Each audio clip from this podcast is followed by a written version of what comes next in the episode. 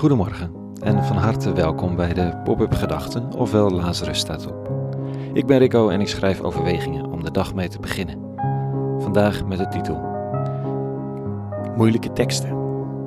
Pop-up Gedachten woensdag 28 april 2021.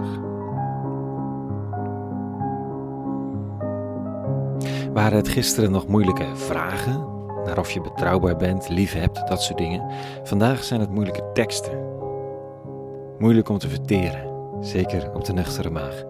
Kijk, ik lees ochtends die oude Bijbelteksten. Drie fragmenten zoals ze vandaag gelezen zullen worden in kerken en kloosters over de hele wereld.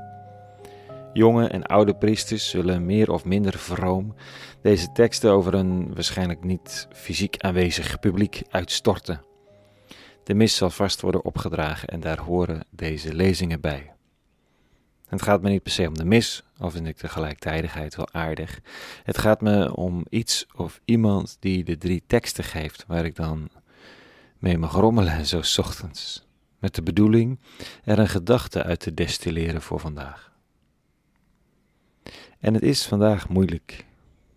Er zijn wat beschrijvingen van Paulus en wederwaardigheden, een psalm waar ik niet veel kan, Mooie woorden, maar nogal algemeen. En dan die teksten van Jezus van Nazareth, ze zijn gewoon te weerbarstig.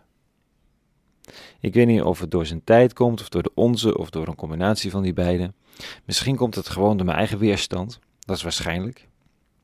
Maar zodra dat oordeel, het onderscheid tussen degene die wel leven krijgt van de eeuwige en wie niet, zodra dat aan de orde komt, begint het te jeuken. Ik begrijp het niet, niet in deze context. En ik hoef het rationeel niet allemaal in elkaar te passen, maar vandaag, it makes no sense, zoals ze zeggen. Het is nog niet galant in mijn werkelijkheid, waardoor ik er gewoon misschien nog niks over te zeggen heb. Misschien heb ik gewoon nog tien jaar nodig om hier wel chocola van te kunnen maken. Het gaat over dit stuk.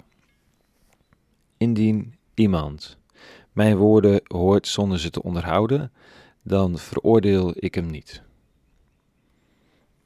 Want ik ben niet gekomen om de wereld te veroordelen, maar om de wereld te redden. Nou, dat is mooi op zich. Maar wie mij verwerpt en mijn woorden niet aanvaardt, heeft reeds iemand die hem veroordeelt. Het woord dat ik gesproken heb, dat zal hem veroordelen op de laatste dag. Hm. Ik heb immers niet uit mezelf gesproken, maar de Vader die mij gezonden heeft. Hij heeft me opgedragen wat ik moet zeggen en verkondigen.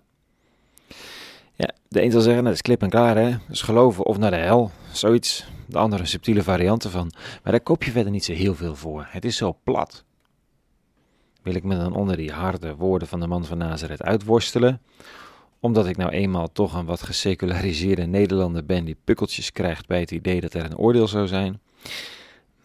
Het zou kunnen, maar aan de andere kant, ik lees die tekst altijd met een soort zoeklens. Hoe brengt deze tekst leven, licht, hoop, bevrijding? En dat is de ziel van de verhalen. Hoe brengt het rechtvaardigheid of een plek in de wereld aan wie daarom staat te springen? I don't know. Ik, ik zie het nog niet. Misschien is dit het dan vandaag, dat het ook allemaal niet per se hoeft. Als kind greep ik wel eens naar hoogstaande Russische literatuur in de kast van mijn ouders, want ik wilde meer en verder en dieper in de letteren. En ik kon de woorden lezen, maar de intentie en de diepgang ging volkomen aan mij voorbij. Ik denk dat het hiermee ook het geval is. Misschien zijn er mensen die me zo kunnen vertellen hoe het zit met deze tekst en dit soort uitspraken. Aan de andere kant, begrip heeft tijd nodig. Spiritualiteit heeft rijping nodig. Kunst heeft ruimte nodig. En de Bijbelse teksten hebben het alle drie nodig. Voorlopig gaat deze lezing van de man van Nazareth ergens weer onder op de stapel. Dan komt hij volgend jaar of het jaar daarna weer tevoorschijn en kan ik er mogelijk nog niet echt iets mee. Maar wie weet wat het over tien jaar brengt. Als het mag rijpen, hoef ik tenminste niet van mezelf een platgeslagen variant te bedenken. Wie te vroeg van zichzelf betekenis en uitleg eist, die deelt zomaar onrijpe vruchten uit. En als de ontvanger dan een zuur gezicht trekt, omdat het niet te hachelen is, zegt degene die uitdeelt met een stalen gezicht dat je maar aan moet wennen, want zo is het nu eenmaal. Maar soms moet je de vruchten even laten hangen, wie weet worden ze nog rijp. Wat geldt voor fruit, geldt misschien ook wel voor de Bijbel. Tot zover vandaag. Een gedachteoefening op deze woensdagochtend. Een hele goede zonnige dag gewenst. Morgen weer een nieuwe pop-up gedachte en voor nu vrede en alle goeds.